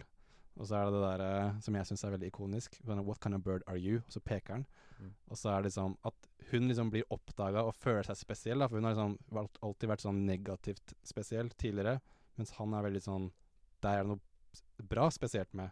Og liksom han er foreldreløs og liksom har det ikke lett hjemme. Har liksom utagerer i det der barnehjemmet han bor i, liksom fosterhjemmet med masse andre fosterbarn. Og liksom har det veldig ille. Og det to, at de to liksom finner hverandre, og liksom deres på en måte bånd og kjærlighet eh, til hverandre gjør at alle de voksne på en måte må skjerpe seg. Og det er bare den relasjonen mellom de som bare traff meg veldig godt. Og det er et eller annet med musikken også. Det er liksom basert veldig mye på Benjamin Britten, som er sånn barnesang og instrumenter og sånne ting. Så jeg bare syns liksom hele den verden bare var utrolig fin. Så liksom når jeg hører musikken, så blir jeg liksom tatt med i en sånn der eh, idyllisk verden. Da. Er det grunn? Ja, for jeg tror litt av mitt problem med denne filmen er at jeg aldri helt tror på de to som forelsket. Eh, Jeg liker litt den der to stykker som stikker av oss mot verden-biten, men jeg føler liksom ikke Jeg tror ikke på kjærligheten mellom de, da. Ehm, og de gifter seg og liksom eh, vil bo på den øyen for alltid. Og det er sånn scene der de har på seg litt sånn lite klær, og jeg bare syns det er litt sånn guffent. Ja, ja for det, det er litt litt så, når vi snakker om det Fordi jeg føler ikke at West Anderson er en sånn kontroversiell filmskaper. Han kommer seg veldig mye unna ting som kanskje er litt kontroversielt. For det er jo en scene som du snakker om, hvor de For karakterene er jo tolv. Og så er det en scene hvor de har bada, så er de på en måte begge to i undertøy og danser til sånn fransk musikk, og så begynner de å kysse. Og så er det sånn at de liksom begynner å liksom eh, kline litt, og så er det sånn der Du kan ta meg for puppene. Og så gjør han det, og så går de liksom inntil hverandre, og så sier hun sånn 'Å, du er hard.' Eller 'Nei, den er hard.' Og så bare 'Sorry, det går bra, jeg liker det'. Og så er det sånn Det er to tolvåringer, og det, jeg tror skuespillerne er rundt 13-14 maks selv. Så blir det sånn at man som voksen sitter og ser på to veldig unge folk beskrive liksom kanskje sine første sånn seksuelle opplevelser. Det er kanskje litt på kanten å caste så unge skuespillere til å spille ut, men jeg føler også det blir en slags sånn realisme i det. For at det er jo noe så unge folk på en måte ville gjort i den situasjonen Mm, Men de er kanskje litt for unge til å gjøre det også? Ja, det- det føles litt guffent å se på, i hvert fall. Men jeg Mm. leste at det var veldig mange anmeldere som har tolket denne filmen som eh, å handle om barns seksualitet. Og liksom det øyeblikket seksualiteten våkner i deg, da. Som jeg på ingen måte føler er det denne filmen handler om, men liksom, som hovedtematikk eh, føler jeg at det er den eh, oss mot verden. Men det er jo en måte å tolke den på, da. Mm. Ja, det er jo bare Det er jo bare en biscene, egentlig, som eh, blir jo for, må, for det meste eh, kuttet ut der, egentlig. Og det er jo helt klart oss mot verden, uh, som du sier, Embla. Og det, det blir jo bare forsterket videre, så jeg vil ikke si meg helt enig i at det, seksualitetske er hovedtema. Vil jeg si er kanskje litt feil. Det jeg også syns er veldig spennende i den filmen, er at eh, litt sånn som de andre filmene hans, som er liksom historier i historier, her er vi jo på en måte litt i en slags sånn drøm også, hvor det er en sånn narrator som snakker til oss om ting som kommer, om en storm som kommer, og han liksom eh, kommer av og til og forteller informasjon om øya og liksom ser rett i kamera, en litt sånn snål type i rart kostyme, til han plutselig bare blir en del av filmen. Mm. Som jeg også føler liksom bryter Bryter filmregler på en måte der jeg var litt sånn Hæ? Hva? Nei, hva? Men det er jo litt Bess Anderson å være litt sånn meta, så jeg Mm. syns det er et sånn gøy grep, egentlig. Jeg synes det er kjempegøy. Og jeg synes til og med det, det er en scene hvor han eh, skal holde en tale om øya, men så er det litt dårlig lyssetting, så han går og stiller det ene lyset, sånn at han får bedre lys. Mm. Og Som også bare bryter veldig med Eller det, blir, det er veldig teateroppsetning, da. Mm. Men eh, bare sånn kjapt nevne litt musikken, for her har jo han gått og, og jobber ikke lenger med sin faste komponist, som har alltid vært Mark Mothersbaugh. Nå er han med Alexander Desplat. Og jeg vil si at uh, nesten like mye som på en måte handling og karakterer er viktig for West Anderson-filmer, for liksom følelsen av, å- den følelsen jeg får av å se filmene, så er liksom musikken til Desplat i denne filmen her også veldig ikonisk. For hvis jeg hører på liksom Jeg vet ikke hva slags instrumenter det er, men uansett hva det er, så er det sånn Når jeg hører det, så er det sånn Å, det er Moonrise Kingdom. Det er liksom så utrolig ikonisk, da, for min del. Så er sånn Jeg føler som at det bare er en sånn følelse som filmen gir meg, som kanskje er bare er derfor jeg liker den så godt. Ja, eh, på at uh, Mark Mothersbaugh føler, Jeg føler at det, når han har laget musikk til filmene til Wes, så har de alltid vært um, De har ikke hatt en helhet, da. De har hatt noen gode sanger som uh, Ping Island, som er min favoritt. Men eh, Alexander Desplat, han i f.eks. Moonrise Kingdom, da, og som vi kommer til å nevne senere, Grand Budapest Hotel, så er det en helhet i sangene. og Det er helt konkret fast uh, stil da, gjennom hele uh, albumet, som uh, på en måte gir Det gir en kvalitet da, til filmen som jeg Som også er litt negativt også, på at jeg føler Mark Mothersbaugh hadde noen sånne gems, da. På grunn av at han gikk bort fra det faste i filmen, da. Så det er jo litt sånn både pluss og litt minus, det byttet her. Ja, nå skal vi snart faktisk over til The Grand Budapest Hotel, men først skal vi høre 'Snakker i tunger' av Gunerius og Verdensveven. Og da har vi kommet til Wes Andersons største hit, nemlig The Grand Budapest Hotel fra 2014. Dette var den første filmen Anderson ble Oscar-nominert for i kategorien beste regi, og han skrev den helt på egen hånd. Hva handler den om, Lars? Ja, hvor skal man egentlig starte? Det, det handler om en Det starter med en forfatter som eh, ser tilbake på da han eh, møtte en gammel eh, hotelleier, som for, forteller han historien om hvordan han ble eieren av dette hotellet. her. Og da fikk vi helt tilbake til var det 1936-7, 30-tallet et sted. I, fiktiv, I et fiktivt land da, som er basert på Var det Ungarn? Eller i hvert fall litt sånn Øst-Tyskland var det i hvert fall filmet. da. Ehm, og da følger vi Da følger vi den unge lobbyboyen Zero, som eh, er en flyktning fra et krigsherjet eh, land fra Midtøsten. Jeg tror ikke det blir spesifisert hvor. eh, Som ha, ha- har fått seg en stilling på dette store Grand Budapest Hotel, da, som nå er i sin storhetstid. Et stort rosa hotell. Og da møter han eh, eieren, eller sjefen for dette hotellet, her, da, Gustav Age, som er spilt av eh, Ralph Fiennes i sin kanskje beste rolle hittil, ifølge meg. Og de utvikler et partnerskap da, hvor eh, denne lobbyboyen Zero eh, prøver å bli kanskje den beste lobbyboyen dette hotellet har hatt. da. Og der jeg må bare sitere et eh, sitat fra Ralph Fiennes i denne sendinga her. Take your hands off my lobbyboy. She's been murdered, and you think I did it. Hey! Stop! You're looking so well, darling. You really are. I don't know what sort of cream they've put on you down at the morgue, but I want some. This is Madame D's last will and testament.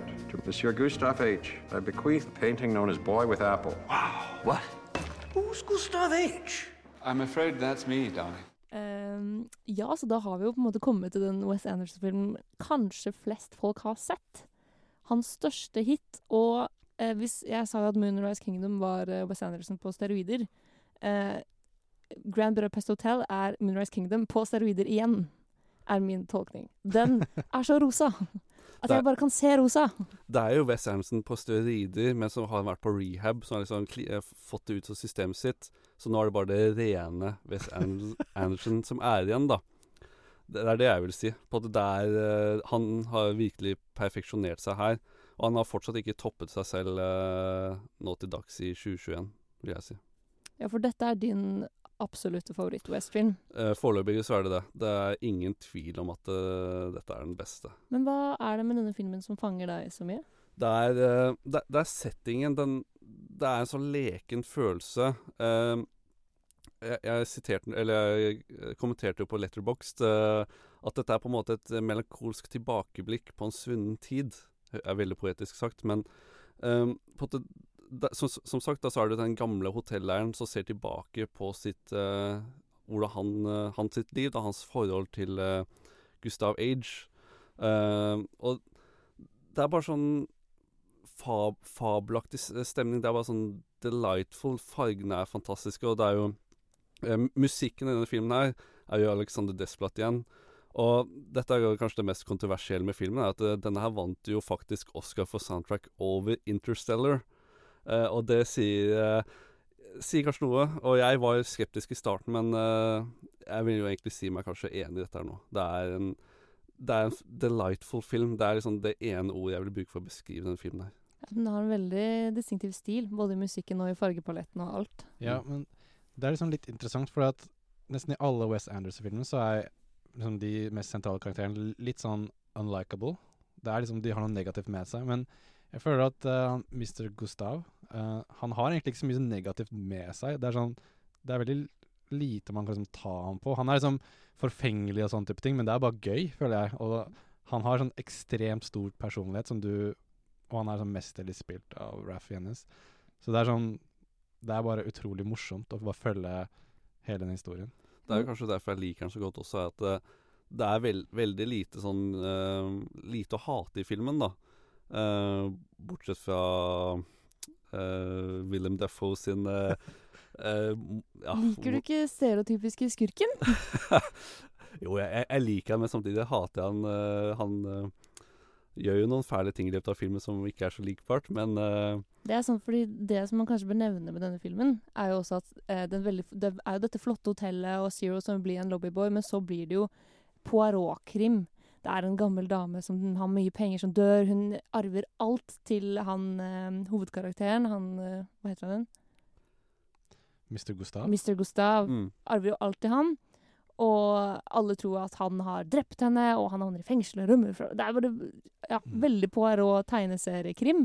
Mm. Um, og jeg føler kanskje at det tar litt for mye plass i denne filmen.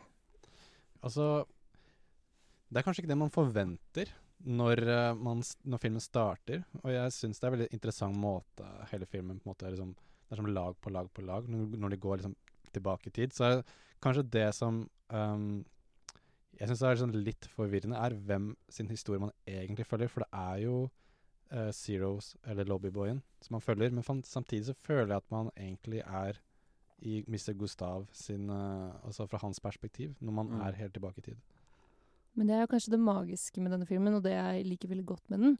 Det er at jeg føler at det er egentlig en historie igjen om å fortelle historier. Mm. Det er jo veldig mange lag. Hele filmen begynner jo med at det er en jente som åpner en bok, og så hopper vi til forfatteren. Og så hopper vi til forfatteren da han var ung. Så hopper vi til forfatteren da han var ung da han møtte eh, Zero som gammel, og så hopper vi til Zero som forteller om Mr. Gustav. Det er jo liksom syv lag, eller nå overdriver jeg litt, men det er mange lag med historiefortelling. Og jeg føler at det er det som er kanskje litt av budskapet her òg, eller tematikken. At eh, fortiden forsvinner, hotellet forderver, men eh, historiene holder det i live, da. Hist og derfor er det viktig å fortelle historier. Og det syns jeg er veldig vakkert. Men så tar krimplottet opp hele filmen. Det er bare liksom budskapet på slutten. Men det er et veldig Altså det er jo kanskje hans mest kommersielle hit. Og det er sånn, et sånt krimplott er jo lett å måte, følge med på. Som egentlig alle altså Folk som kanskje ikke er vanligvis vært West Wes Andersons som fans, da, kan Den er en veldig sånn tilgjengelig film for flere å følge med på. Og det er liksom en film som er veldig spennende. Altså det, er Én ting skjer, og så er det Altså det krimplottet, og så på en måte eskalerer det, og så er det sånn Og så nei, han, de, de stjal det her, nå må de ta med seg det her, og så skjer det her, og så liksom, Det er liksom hele tiden noe som skjer, da, og det er liksom et sånt uh, Et sånn liksom en heist-film Mm. til tider. Det går jo veldig fort på speed på slutten, der hvor ting bare De går fra ett sted til et annet og bare um, ja, gå- går veldig kjapt, da. Ja, og så er det også det un den, sånn, på en måte et slags sånn underteppe av at uh, en sånn første verdenskrig bryter løs, typ. Og da er jo den der med problem problematikken med at uh, de er som satt i et sånt type sånn Øst-Tyskland-land, og så er, er lobbyboyen er eh, ikke Han har ikke på en måte papir i, på stell, da. Mm. Så er det sånn det, det underlaget, i tillegg til Alt alt, det alt det andre. som skjer også. Så det er liksom ja, det er, så mye, det er mye i filmen, men samtidig så er det sånn enkelt plott å følge med på. Så jeg tror Mm. er liksom mye av suksessen her. Og så er det jo også bare en utrolig vakker film. Mm. Uh, og veldig sånn filmteknisk morsom. De har brukt mange rare filmtriks og bygget små pappsett og gjort veldig mange lure hacks for å få den filmen så billig som mulig. Noe som gjør at den er veldig tidløs og vakker også. Mm. Og det er jo veldig interessant på at eh, denne filmen her tjente jo 157 millioner dollar eh, sist jeg sjekket. Og det er jo alle disse store skuespillerne, grandiose sett og det, er, det føles som en storproduksjon, da. Men så ser du at den er laget på bare 25 millioner dollar, da. Som er mye i norske kroner, men eh, hvis du ser på disse store Hollywood-filmene, så det, viser jo dette ekstremt eh, Ekstremt bra ressursbruk da, for å få filmen best mulig. Mm. Men det er interessant, for at eh, Jeg har ikke navnet uh, på hodet, men den skuespilleren som spiller eh, lobbyboyen som eh, eldre mann Jeg så et sånn bakom-intervju, og han sier på en veldig sånn fin måte at Wes Anderson uh, hvis han, det, han har blitt en av de filmskaperne som alle har lyst til å jobbe sammen med. Så jeg tror han på en måte kan få tak i så mange store skuespillere, og alle har lyst til å jobbe med han, og de tar ikke så mye betalt, tror jeg. Så er derfor han liksom klarer å lage så, så store filmer med så store liksom, karaktergallerier med kjempeflinke skuespillere. Rett og slett bare fordi han er liksom en av de folka som alle vil jobbe med, fordi han er liksom, nåda, liksom nåtidens kanskje liksom Stanley Kubrick. uh, han er liksom på det nivået, da. Så har det liksom blitt en sånn ære å spille i filmene hans. Ja, og snart skal vi se på hans siste film til dags dato, Isle of Dogs. Men først skal vi høre en helt fantastisk låt fra soundtracket til Grand Budapest Hotel, nemlig Mr. Mustafa av Alexandre Desplat. Da har vi kommet til den siste filmen vi skal snakke om i vår Wes Anderson-spesial i dag, nemlig Isle of Dogs fra 2018, hans andre tegneseriefilm. Eller stop motion-film. Stop motion er vel mer riktig, ja. Ja. Hva handler det om, Lars? Åh, det, det handler jo om uh, Vi følger jo Eller vi følger en gutt som heter Atari. Uh, som egentlig er Han er fostersønnen da til onkelen sin, uh, Mr. Kobayashi. Som er jo ordføreren i denne japanske byen eh, Megasaki. Og det er jo en liten konspirasjon i eh, byen der at eh, de prøver å bli kvitt alle hundene. Spesielt når hundeinfluensaen kommer og alle hunder begynner å bli syke.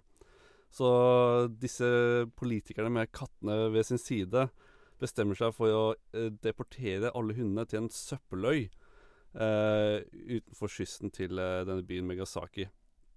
Og denne eh, hunden til eh, Atari er den første hunden som blir sendt bort som eh, et tegn da, fra Mr. Kobayashi. Så vi følger en gruppe med hunder da, som eh, plutselig ser et fly krasje på denne øyen her. Og det viser seg å være Atari som eh, har flydd til denne eh, øyen Isle of Dogs for å finne hunden sin eh, igjen, da. Og de hjelper han på veien.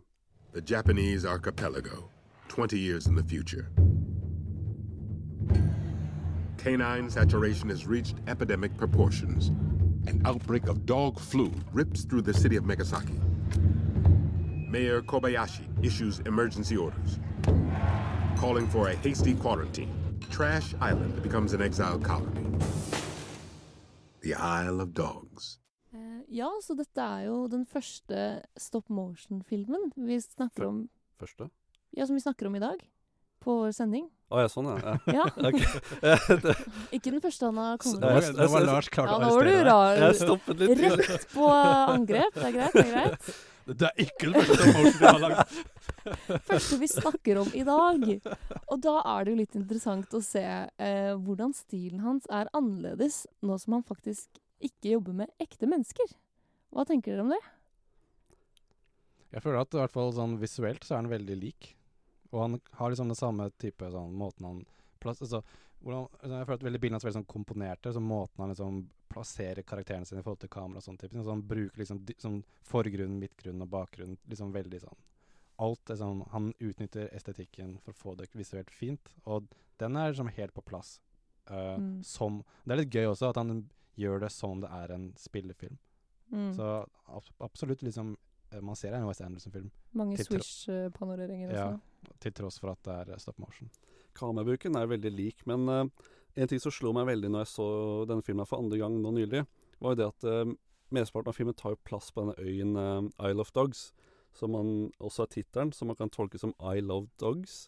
Uh, men det jeg la merke til, var at denne øyen er veldig Det er veldig hvite skyer. Det er mye metall på bakken. Det er en veldig fargeløs film, som er jo antitesen av eh, hva Wes Anderson er. Så det var noe som slo meg veldig. Og så, som jeg sa tidligere, så er jo Wes Anderson har et visst drag for meg. Da. Det er liksom noen ting jeg forventer. Og det at eh, fargene er jo igjen det på at det gir jo en sånn følelse. Så det å bli møtt med en veldig sånn kald, hvit eh, eh, stemning var jo litt eh, Var ikke helt det jeg forventet, da. Jeg tror han trengte detox etter Grand Budapest Hotel. Og som vise jeg, jeg kan gjøre noe som ikke er pasteller. Se på dette! Men uh, det passer jo litt med tanke på at det handler mye om sykdom og liksom, inf altså, at det er som en pandemi blant hunder og sånne ting. da. Så det, er jo, det passer jo kanskje litt bra at det er litt sånn sterilt. For at de Mm. liksom blir prøver å kvitte seg med det på den øya her. Så, men de kunne altså Jeg har egentlig ikke tenkt over før du nevnte det, Lars, at den er veldig hvit. Og det har liksom Når du først sier det, så klarer jeg liksom ikke helt å liksom, se bort ifra det heller. Men du må tenke at den er jo inspirert av japansk film og Kurosawa, og da kler det jo filmen å ikke være helt sånn pastell Mm. OS-aktig, Mm. på en måte. Ja, og et lite sånn frampek til hans neste film, 'Friends Dispatch', Dispatch er jo i svart-hvitt, så har han gått helt vekk fra Eller i hvert fall delvis svart-hvitt. Del, delvis svart-hvitt, ja. ja. Mm. Der er det ingen farger. Så kanskje han er litt lei av farger. Mm. Men ble dere rørt av denne filmen? Ble dere engasjert? Det er jo Jeg må helt ærlig innrømme, jeg er et kattemenneske. Jeg eh, er egentlig ikke så fan av hunder, så jeg klarte ikke å relatere Jeg ville switcha om eh, på rollen her. Men eh, jo, jeg klarte jo Jeg følte jo litt med Atari, da, eh, og liksom det det båndet mellom deg og dyrene dine, da, på det, det er jo en fellesnevner for de fleste, er båndet. Og det klarte jeg å relatere til, og det var jo Det er jo en veldig fin scene når de først eh, eh, Når de til sist møtes, da. At det, det er en veldig fin reveal, og veldig fin eh, Du blir jo rørt av det. Det skal jeg ikke si noe annet om. Jeg tror jeg Kanskje en av grunnene for at Kanskje det er sånn den jeg liker Kanskje ne nest minst av alle filmene hans. Eh, som jeg ble litt overrasket over etter jeg hadde sett den. At jeg liksom ikke syns den var Jeg har liksom ikke gått tilbake til den før vi skulle ha den sendingen her. Og jeg tror det er litt fordi at um, Sånn som For meg så er det sånn å ha en sånn følelsesmessig connection til noen av karakterene er veldig viktig for meg. Eller noe jeg setter veldig pris på i filmene hans. Og jeg hadde ikke det i det hele tatt til noen av karakterene i denne filmen her. For at uh, Jeg tror litt av problemet er at alle de menneskelige karakterene er ikke så viktige, og de snakker på japansk uten at det er teksta. Og de er på en måte blir veldig sånn Det er nesten sånn De blir sånn Jeg føler ikke at de egentlig er mennesker, nesten. De bare er sånne karakterer som man ikke forstår helt. Så det er sånn, en sånn distanse der som eh, er litt sånn problematisk for meg. Og så er det kanskje det at jeg liksom Det er veldig sånn, litt sånn simpelt plott igjen. Det at man på en måte er på sånn der rescue mission. Og et sånt rescue mission er på en måte kan være litt kult, men det, det er liksom et, er eller annet mellommenneskelige som er blitt borte, da, som gjør at jeg kanskje ikke har så interesse for å gå tilbake til den. Ja, for jeg er enig i det du sier, og jeg føler at det er jo ikke menneskene man egentlig følger her. Det er, hovedpersonene er jo disse hundene. Mm. Og da spesifikt uh, Chief, som er en litt sånn uh, stray dog. Han er ikke som andre hunder. Han uh, setter seg ikke ned når mennesker sier sitt, og han, uh, han vil ikke ha en eier, han er sin egen eier. Og så handler det på en måte om hvordan han sakte, men sikkert liksom slipper mennesker inn og eh, slutter å isolere seg fra samfunnet, da, men liksom blir en del av alle. Um, men jeg var kanskje ikke så investert i Chief, verken som karakter eller som protagonist. Eh, og da ryker plottet litt også for meg. Mm. Du følte ikke så mye med han når han først uh, varmet seg opp til uh, mennesker? Mennesker. Mm. Jeg følte det var et sånn vippepunkt, at du, du klarte liksom å sympatisere litt med han da, i den uh, overgangen der, da. Ja, men jeg, jeg vet ikke. Jeg liksom Jeg brydde meg ikke så mye om han. Jeg brydde meg mer om den eh, hunden de leter etter, Spot. Mm. Så jeg ventet liksom bare på han. Og så eh, var det veldig mye gøy underveis. Sånn, det er en scene jeg elsker, som er eh, at de drar for å møte liksom hundeorakelet. Og så er de sånn 'Å, dette orakelet kan se fremtiden.' Og så kommer vi dit, så er det bare det at det er den eneste hunden som forstår værmeldingen. og så liksom, sier vi hvilket vær det er, og har bare fått sånn gudestatus på denne øya. Og det, øya er jo veldig morsom. Som hvordan de har bygget systemer innad på øya, og liksom de forskjellige landsbyene og Det universet digger jeg jo, på en måte.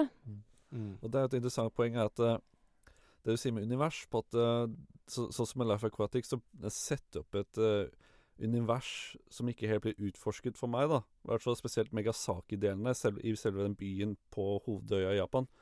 Så er det, da er det mer farge, da er det liksom disse intrigene med politikerne og, og liksom det, det er- så mye mer da som kunne blitt utforsket her.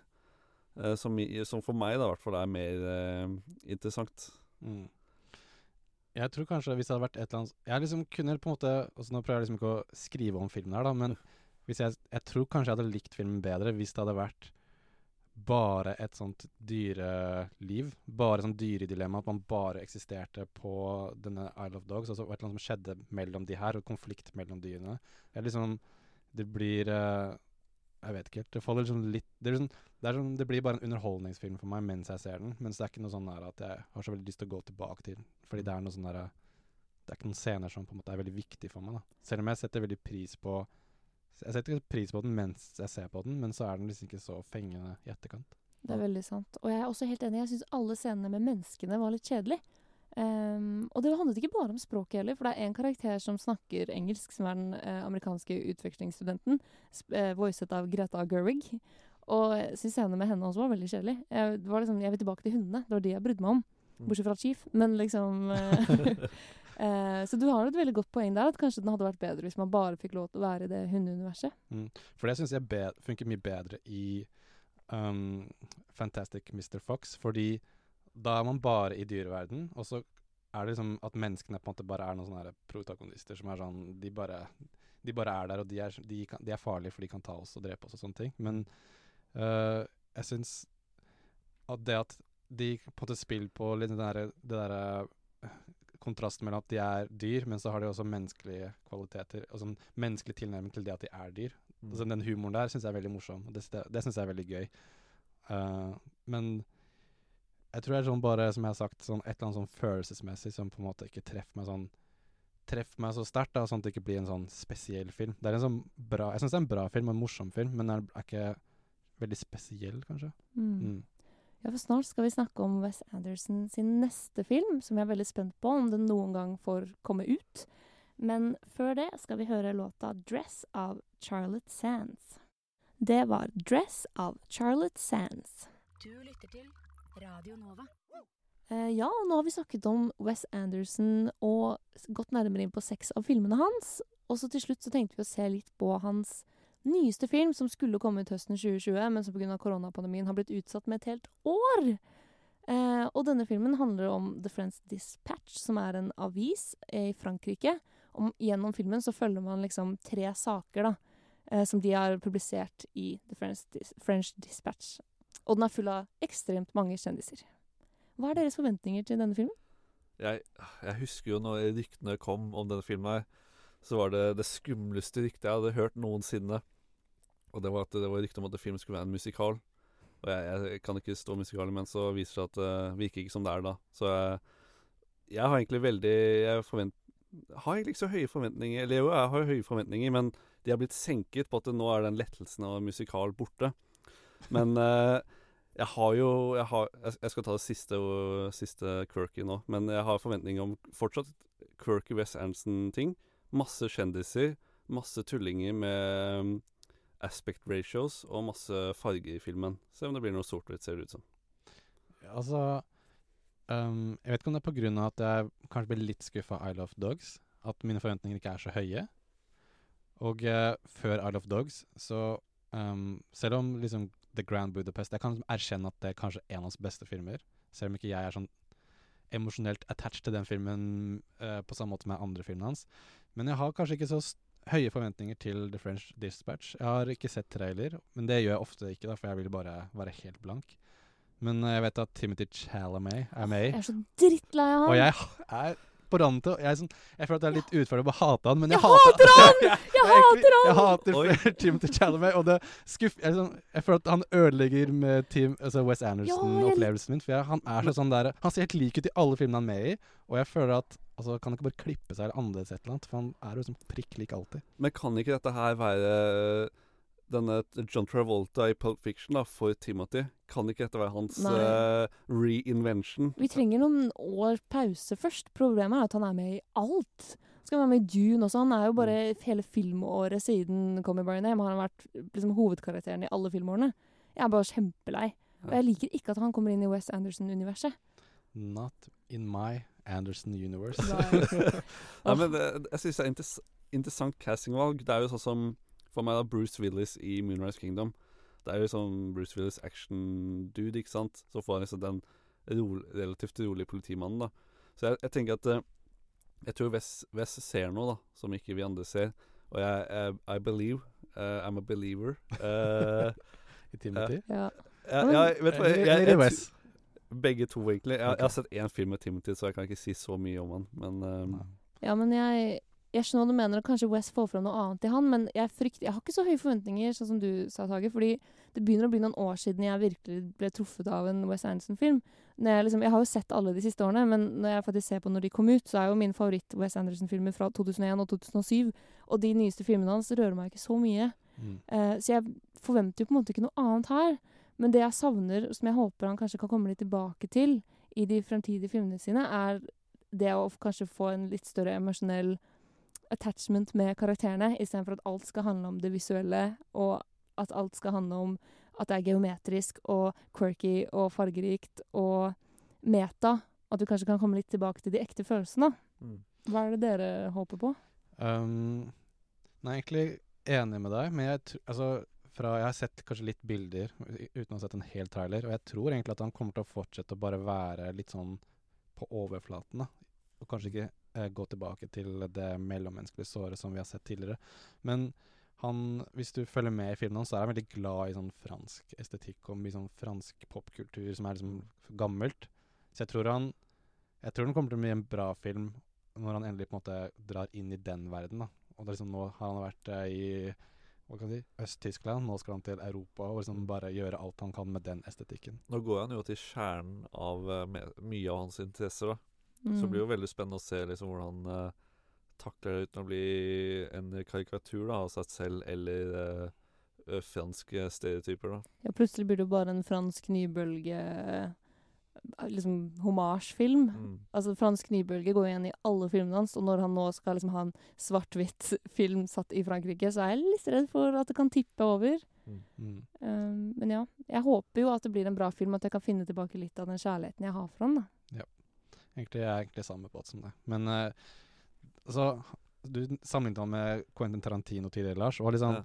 Han er liksom en av de få liksom, kommersielle autørene som fortsatt lager film. Så det er alltid liksom Når det kommer en Nolan-film, når det kommer en Tarantino-film liksom, Det er liksom et eller annet spesielt når det kommer en West Anderson-film også. Mm. Så det er sånn noe jeg gleder meg til, selv om jeg ikke har så høye forventninger. På måte, det er jo alltid Ofte er det noe nytt, ikke sant. Det er, han, de går veldig sjelden i de samme sporene sine.